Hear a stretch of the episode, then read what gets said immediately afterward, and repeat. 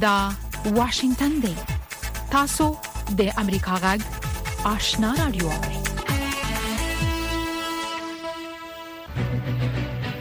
قدرمن اوریدونکو السلام علیکم زه شافیا سردار یم دا د امریکا غږ آشنا رادیو خبرونه پېښه لومړی به خبرونه واوري السلام علیکم درنو ریدونکو ستړي مشي زه زیبا خادم یم دا د امریکا غږ آشنا رادیو خبرونه ده د نړۍ د دې ساعت خبرونو ته ساسې پام را اړم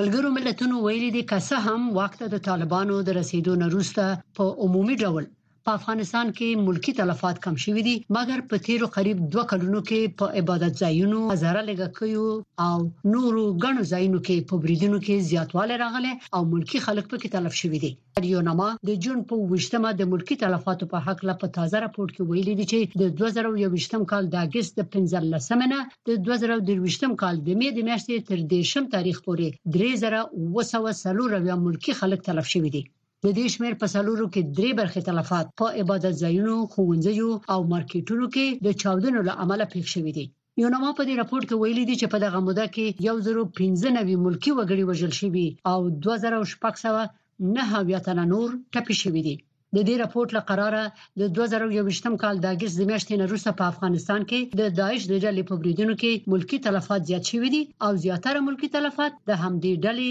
د بریدونو په نتیجه کې پیښ شوې دي د چین د بارنیو چارو وزارت ویلي دی چې د طالبانو حکومت ته پکار دی چې د افغانانو او نړیوال ټولنې د غوښتنو د ترسره کېدو لپاره کلک اقدامات وکړي د دغه وزارت ویاندې په مطبوعاتي کانفرنس کې ویلي دی چې د طالبانو حکومت د اقتصادي ودې د فساد د ورکولو د مخدره موادو د له منځه وړلو او د نظم د راوستو په برخه کې ځینې پرمختګونه کړي دي خو لا هم د یو شمېر ستونزو سره مخ دي د ننګرهار په ولایت کې د باختر اژانس خبر ورکړی دی چې ووشتنه هغه افغانان چې د قانوني اسنادو د نه درلودلو لکبله په پاکستان کې بنديانو د تورخم بندر لارې د طالبانو حکومت ته سپارل شوې دي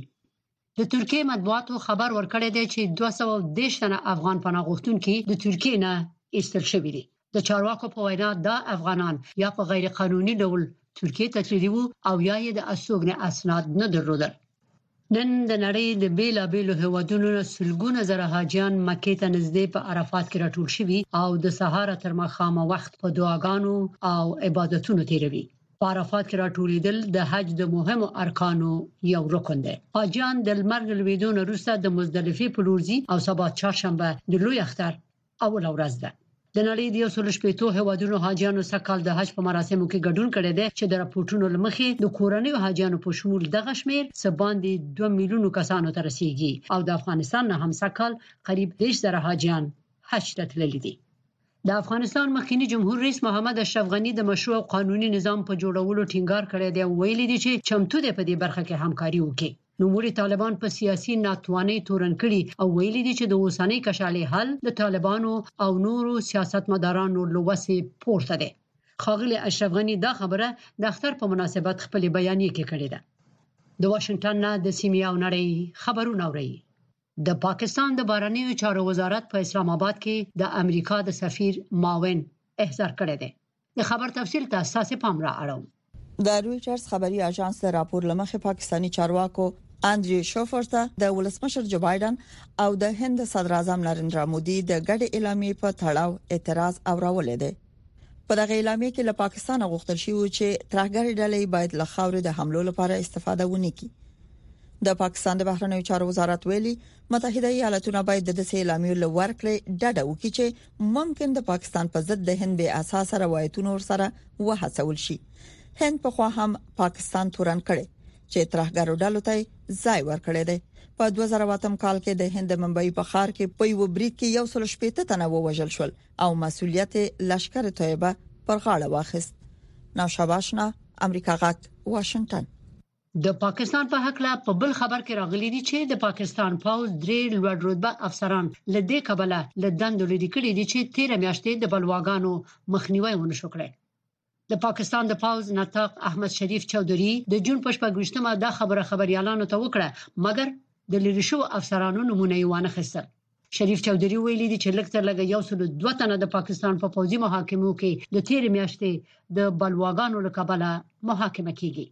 د روسیې جمهور رئیس ولادیمیر پوتین ولسته په خپل تازه وینا کې بیا د واګنر اجیری ډلې هغو جنگیالیو ته عفو اعلان کړه چې په وسلوالې بلوا کې دخیل وو خو د هغوی د قومندان ایفګینی پریشګون یادونه نه ده کړې د ازادي رادیو د خبر مرکزی څنګه لیکلي دي چې د پوتین د دې اقدام نه داسې ښکاري چې هغه د خپل پخوانی متحد پریګوژین سره خپل ارتباط بالکل قطع کړی دی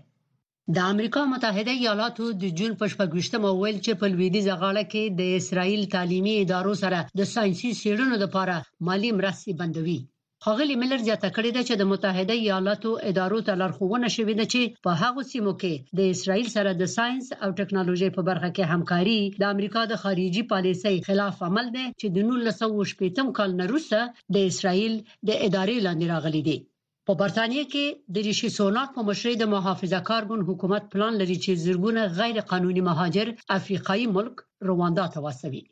حکومت وايي په دې پلان سره ښایي نور مهاجر زړه ښه نه کړي چې د فرانسې نه په وړو کشتیو کې برتانیې ته راشي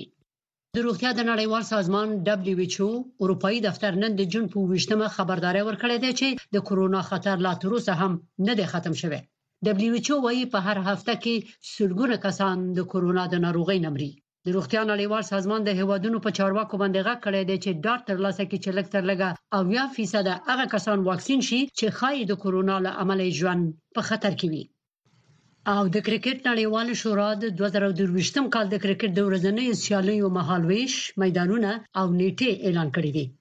په دې سیالیو کې به چې کوربه هوا د هند ده د افغانستان په شمول د نړۍ لس غوړه لوبډلې ولوبېږي زیبا خانم امریکا غږ واشنگتن د سیمه او نړۍ خبرونه واوریدل په موقع د سیمه او نړۍ په اړه رپورټونه ده درنوریدونکو لوی اختر به مبارک سه د امریکا جغ په دې سهارنۍ پښتو خبرونه کې به لومړی دا راپورټ ووري چې د سیاسي چارو ځینې افغان کارپوهانو د پخوانیو جنگ سالارانو په اړه د افغانستان پخوانی جمهور رئیس محمد اشرف غنی ورستي څرګندونو ته د شک پسترګ ګوري پخوانی جمهور رئیس د لوی اختر په مناسبت په خپل پیغام کې ویلي تر کومه چې په دې پورې اړه لري چې د افغانستان په سیاسي ډګر کې له جنگ سالارانو سره یو ګام پورته کولو ته هم چمتو نه دی په دې باره کې اکرام شنواری له کابل راپور راستولی د لوی اختر د را رسیدو په مناسبت د طالبانو د مشر مولوی هیبت الله خونزاده په څیر د افغانستان دوه پخوانیو جمهور رئیسانو هم د اختر په مناسبت په خپل پیغامونو کې د لوی اختر د را رسیدو لامل افغانانو ته مبارکي ورکړي مولوی هیبت الله خونزاده په خپل پیغام کې یو ځل بیا د نړۍ سره د خو اړیکو په لرلو ټینګار کړی خو ویلي دي چې چاته د طالبانو د حکومت په چارو کې د لاس وهنې اجازه نه ورکړي مولوي اخندزاده پرته له دې چې د نجونو او ښځو په زده کړو او کار د بندیز یادونه وکړي ویلي دي چې د ښځو د حقونو د خوندي کولو لپاره لازم اقدامات کړي او د اسلامي حاکمیت له راتګ وروسته د میرمنو اجباري نکاح او په بدو کې د ورکولو په شمول له نورو ګڼو رواجي ظلمونو څخه د ژغورلو په خاطر لازم اقدامات ترسره شوي ټول شرعي حقوق تامین شوي پخواني جمهور رئیس محمد اشرف غني هم د لوی اختر په مناسبت په خپل پیغام کې چې د خپل فیسبوک پر رسمي پاڼې خپور کړي د افغانستان د روان وضعیت په اړه په یو لړ مسلو خبرې کړي او واک ته د طالبانو د رسیدو وروسته په افغانستان کې امنیت د منفي امنیت په توګه یاد کړي او ویلي دي چې منفي امنیت نه یوازې هوسایي رانه وسته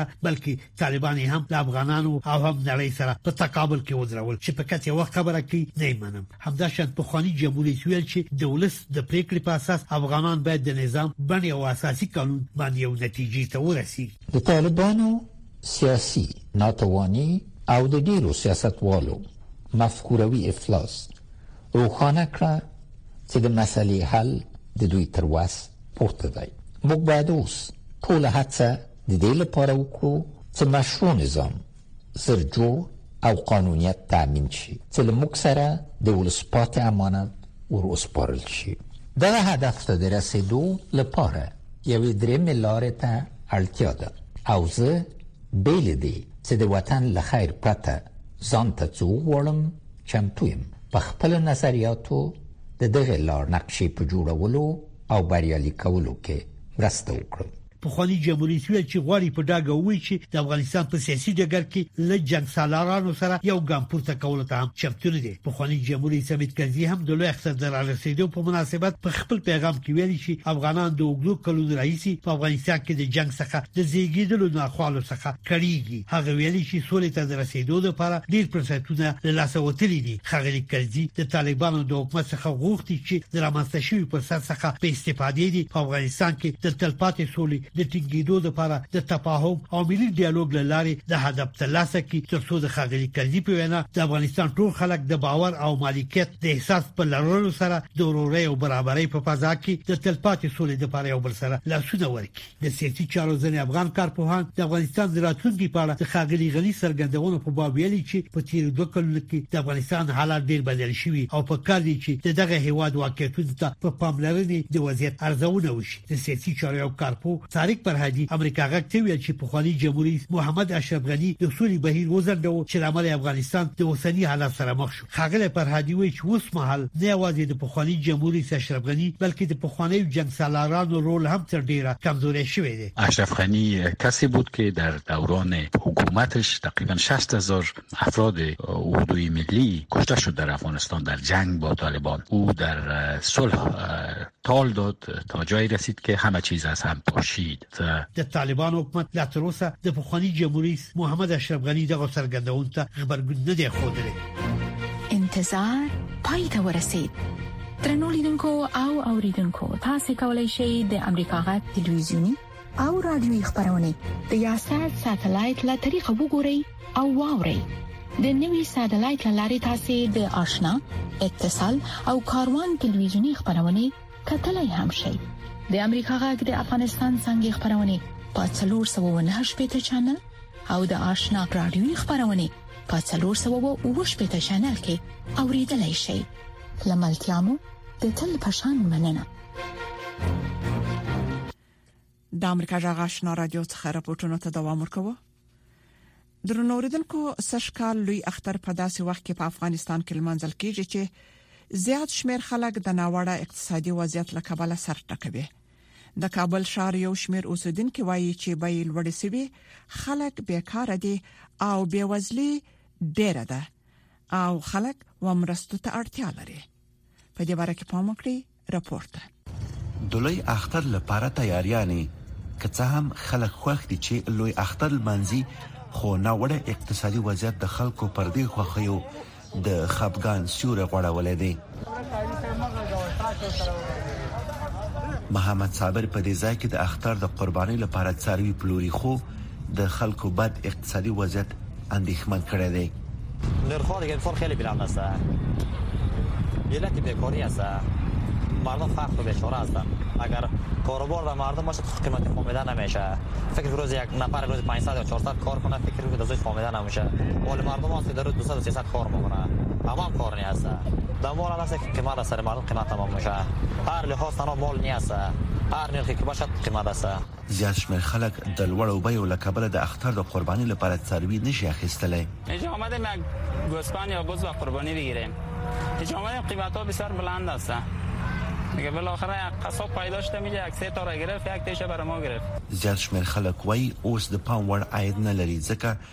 دندې له لاسه ورکړې دي.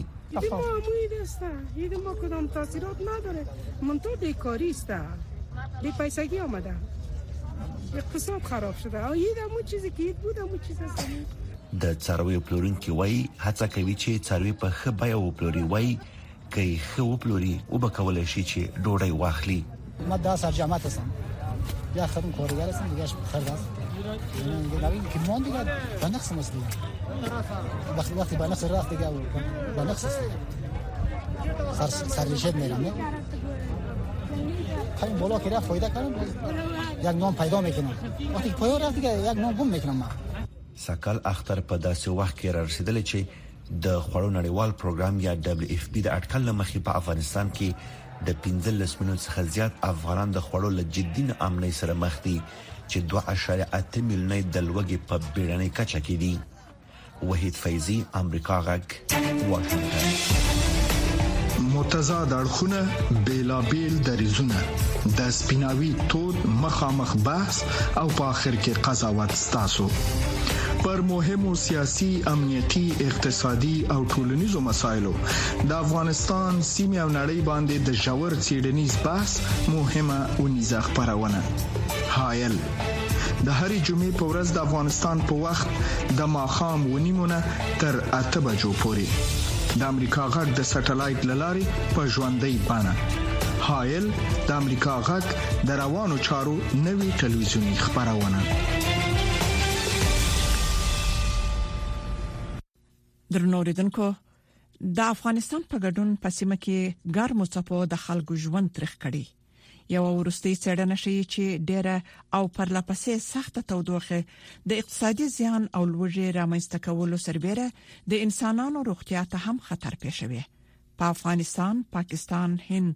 او په ټوله سیمه کې خلک چې اقتصادي کمزوري دي د دوبي سخت تودوخې له امله تر ټولو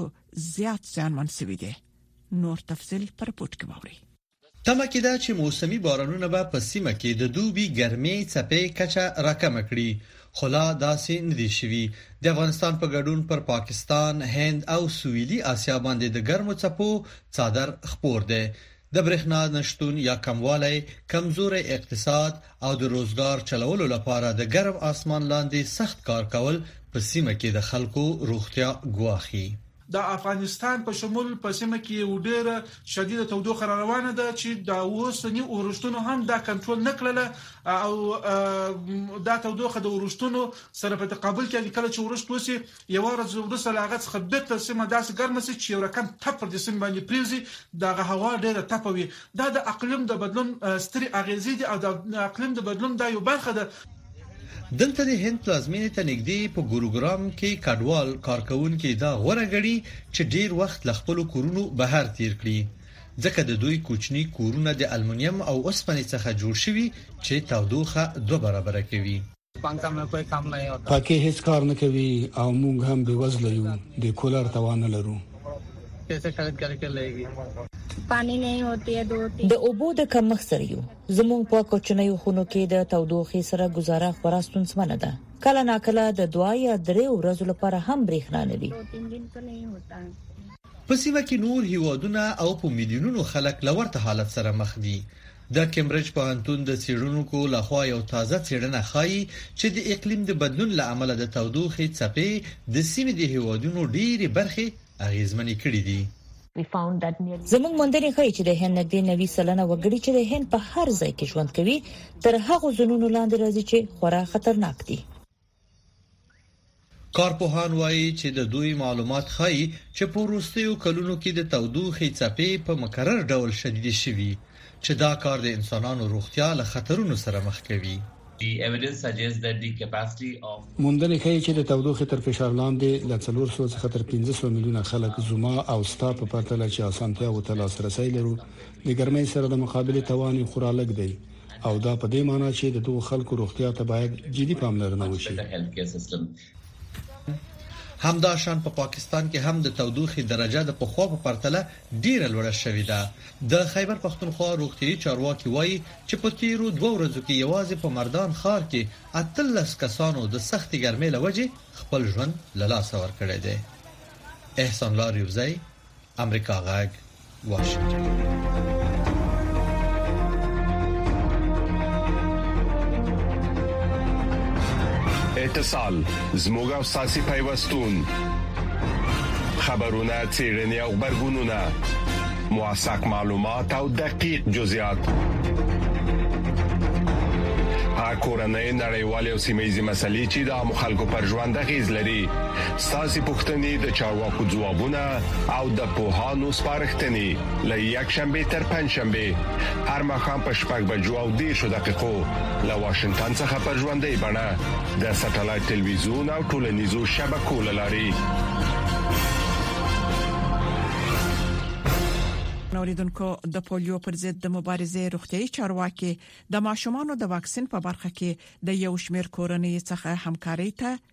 اندیشمن دي نور حال زموږ د همکار صدیق الله صدیقي پر رپورت کې واوري که څه هم په جنوبي ولایتونو کې سږکال د پولیو مثبته پیښه نه ده رامنځته شوې خو په ختیځ ننګرهار ولایت کې د پولیو نوې پیښه تیرونی ثبت شوې چې ورسره په یاد ولایت کې سږکال د ټولو مثبتو پیښو شمیر پنځو ته ورسید په جنوب کې د پولیو پر ضد د مبارزې د عملیاتي مرکز یو تن مسول ډاکټر صدیق الله پتیال وایي چې د ګوزڼ ناروغي له جدي ګواښ سره سره لا هم یو شمیر کورنۍ د پولیو واکسین له پروګرام سره د پام وړ مرسته نه لري. نوموړي اندېښنه څرګنده کړه او وایي چې که حالات همداسې دوام وکړي، ممکن د ګوزڼ نوي پېښو ته زمینه برابره شي. یوازنی شی چی موږ ګورو هغه په ډیره پیمانه باندی کورنی غفلت زیات دی اوس هم د خپلو ماشومانو په اړوند باندی یا دا چی ماشوم بیده دی را ایستلای نه سی یا تر روغتیایی مرکزه پوری وړلای نه سی یوازنی علت یی همدغه دی چی د واکسین څخه پاتی کیږی او بیا د دوی هغه معافیتي سیستم ډېر ټیټ چې یو رښتنی وایرس بیا کولی شي هغه ډېر ژر په ګوزڼ باندې اخته کړي. روغتیايي چارواکي وايي چې د پولیو ناروغۍ د یوې پېښې له رامنځته کېدو سره وایروس په چټکۍ سره هغو سیمو ته په اسانۍ سره خپرېږي چې د کلونو هڅو په پایله کې له ګوزڼ څخه پاکې شوې وې. ټول هغه امراض، ټولې هغه پېښې چې هغه ساري ناروغۍ دي او انتقال یې د یوه انسان څخه و بل انسان ته کېږي، هغه ټول د تشویش وړ ناروغۍ دي. او موږ په کورنۍ باندې غږ دا کوو ترڅو په داسې موسم کې چې هغه د ګرمۍ موسم دی داسې وخت کې خپل ماشومان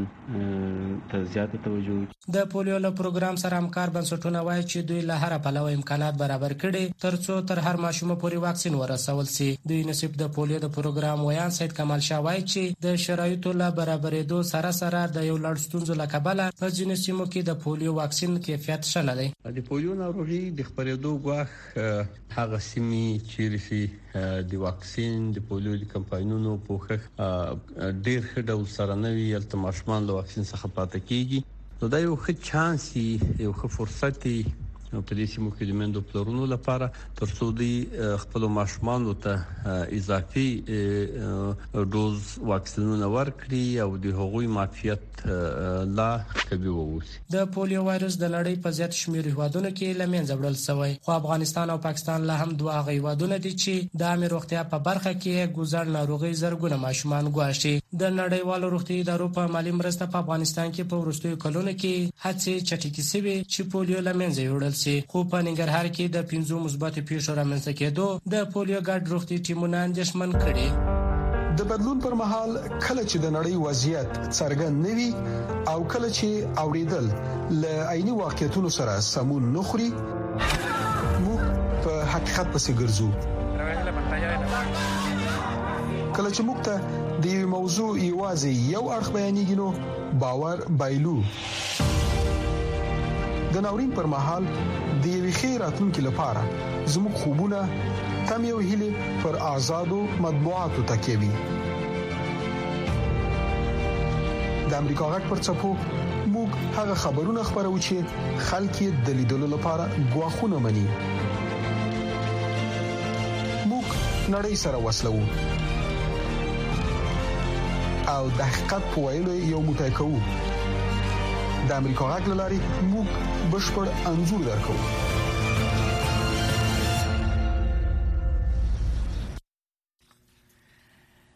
رپورټونو ته دوام ورکوو جمهور رئیس جو بایدن په روسیه کې د واګنر ډلې په پاتون کې د واشنگټن او ناتو لاس لارل رد کړي او ویلي دي چې د اوکرين په جګړه به د دغه تحول د تاثیراتو ارزونه له وخت څخه مخ کوي تر دې مخکې د روسیې جمهور رئیس ولادیمیر پوتین ویلي و د هیواد دښمنانو یې غوښتل څو د واګنر پاڅون د روسیې د ویشل کېدو او کمزوري کېدو لامل سي خو هغوی په خپل محاسباتو کې ناسم و د تیرې شنبه په ورځ د واګنر د ملیشه ډلې مشر یفګینی پریګوژین خپل ځواکونه چې یوازې 200 کیلومتر له مسکو څخه لري وو ودرول او بلاروس ته د تګ په اړه د کرملن وړاندیز ومانه لدې سره کې د شي نوموړی او دغه جنگیالي خونسا شي دا چې دا هرڅه واشنگټن ته څه معنا لري یو بل کیسه ده د دوشنبه په ورځ هم دا پښتني مطرح کړي فکر کوم تاسو ته غلط وایم کوم وایم د هغه پیښو لامل چې د اونۍ په پای کې وشوي د جندا په مواردو کې یو ډول لوی بدلون دی مونږ باید وګورو چې لوبه څنګه پرمخځي نو موري وویل د اونۍ د پای د دغه پیښو په اړه هر سات ولسمشر بایدن ته معلومات ورکول کېدل بایدن د دوشنبې په ورځ یوې مهمې پوښتنې ته ځواب ووایه. موږ روښانه کړې چې موږ لاس نه پکې درلود، موږ هیڅ کار نه ورسره درلود، دا د روسیې په سیستم کې د ستونزو یوه برخه ده. پوتین د دوشنبې په ورځ په وینا کې ظاهراً دې ته ځواب ووایه. دا دقیقاً همدا نتیجه وه، وروروژنه هغه څه چې دواړو په کیف کې نویو نازیانو او د هغوی غربي ملاتړو او بیلابیلو ملي خاینانو غوښتل. د چارو شنونکي لیو نارون امریکا غږ ته وویل، یو شی روښانه وو. فکر کوم ملګرتیا نوره احتمالاً ختمه شوې. پوښتنه دا ده چې ایا پوتین پریګوژین بخښلی شي؟ اوس به د بیلاروس مشر الکساندر لوکاشینکو، احتمالا له پوتين سره تر خبرو مخکې څه ونه کړي بناً هر تضمین چې هغه پرګوژن ته ورکړی ممکن د یو کاغذ او یا هم ټلیفوني تماس ارزښت ونه لري د پریګوژین ځواکونو له مسکو څخه یوازې څو ساعته لري خپل پرمختګ ودراوه د مسکو اوسیدونکي وایي هغوی له دې جنجال ستومانه شوي دي زه نه پوهیږم خبرونو ګنګس کړی یم هڅه کوم وینل ولم زه د خپل رواني صحت خیال ساتم پریګوژین د دوشنبې په ورځ په یو غږیز پیغام کې وویل، هغه د مسکو په لور ټانکونه د اعتراض د ښودلو لپاره واستول، نه د حکومت د پرځولو لپاره. سمیع الله جلالزای طالبانو د افغانستان له دننه د امریکا غاټ راډیو خبرونه درولې دي خو امریکا غاټ په پوره شمنتیا خپل افغان اوریدونکو ته په پښتو او دری ژبه د کره باوري او هر اړخیزو خبرونو په خبرولو د افغانستان له بهره په 902 کیلو هرتز منځنوي سپو خپل خبرونه ته دوام ورکړي د دې ترڅنګ تاسو کولی شئ چې زموږ پښتو خبرونه په لاندو چپو هم واورئ پښتو سهارنې خبری خبرونه پر 2290.0 چپو اوریدل شي ما خبرنې پښتو خبرونه په 2140.0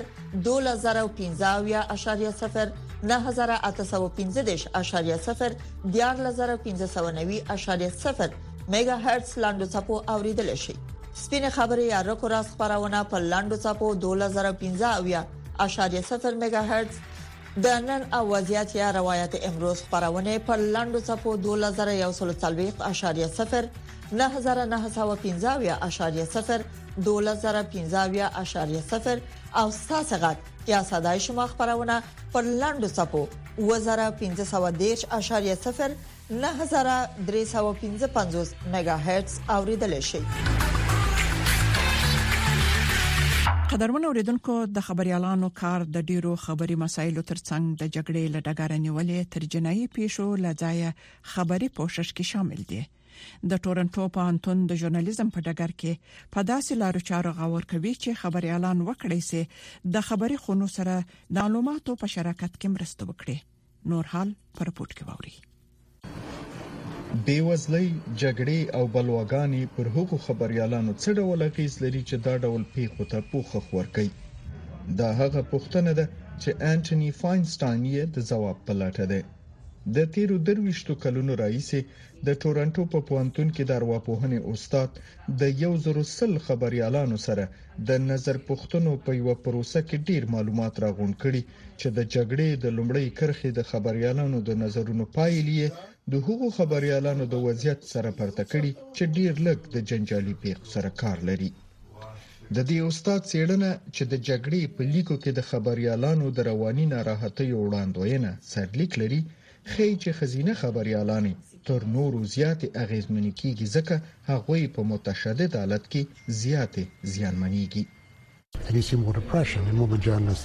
دا په څېړنو کې معلومه شو چې په هر هیواد کې مو معلومات وکړل د نارینه وو په پرتله په خځینه خبر اعلانو کې خپګان ډیر زیات څرګندېږي موږ اوس په مختلفو هیوادونو کې سروې کوو دا اغیز په ډیرو هیوادونو او ډیرو فرهنګونو کې یو ډول دی خځینه خبر اعلان ډیره د خطر سره مخامخ دي خو داسې لارې چارې هم شته چې خبري اداري یې موندلی شي. الیسن باسکر ویل د رویټرز خبري اژانس د امنیتي مسایلو څیړونکې ده. د هغې کار دا دی چې په جنګي ساحو کې خبریالان ضروري وسایل له ځان سره ولري. ترڅنګ د خلکو د خوندیتوب له اړخه موږ باید پوه شو چې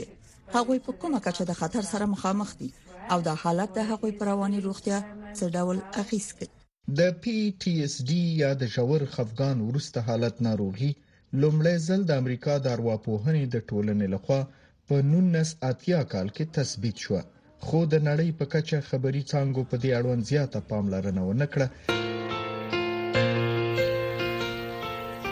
درنو لیدونکو زموږ د خبرونه په همدې ځای پای ته ورسیده د امریکا جغ آشنا را دوه خبرونه دوام لري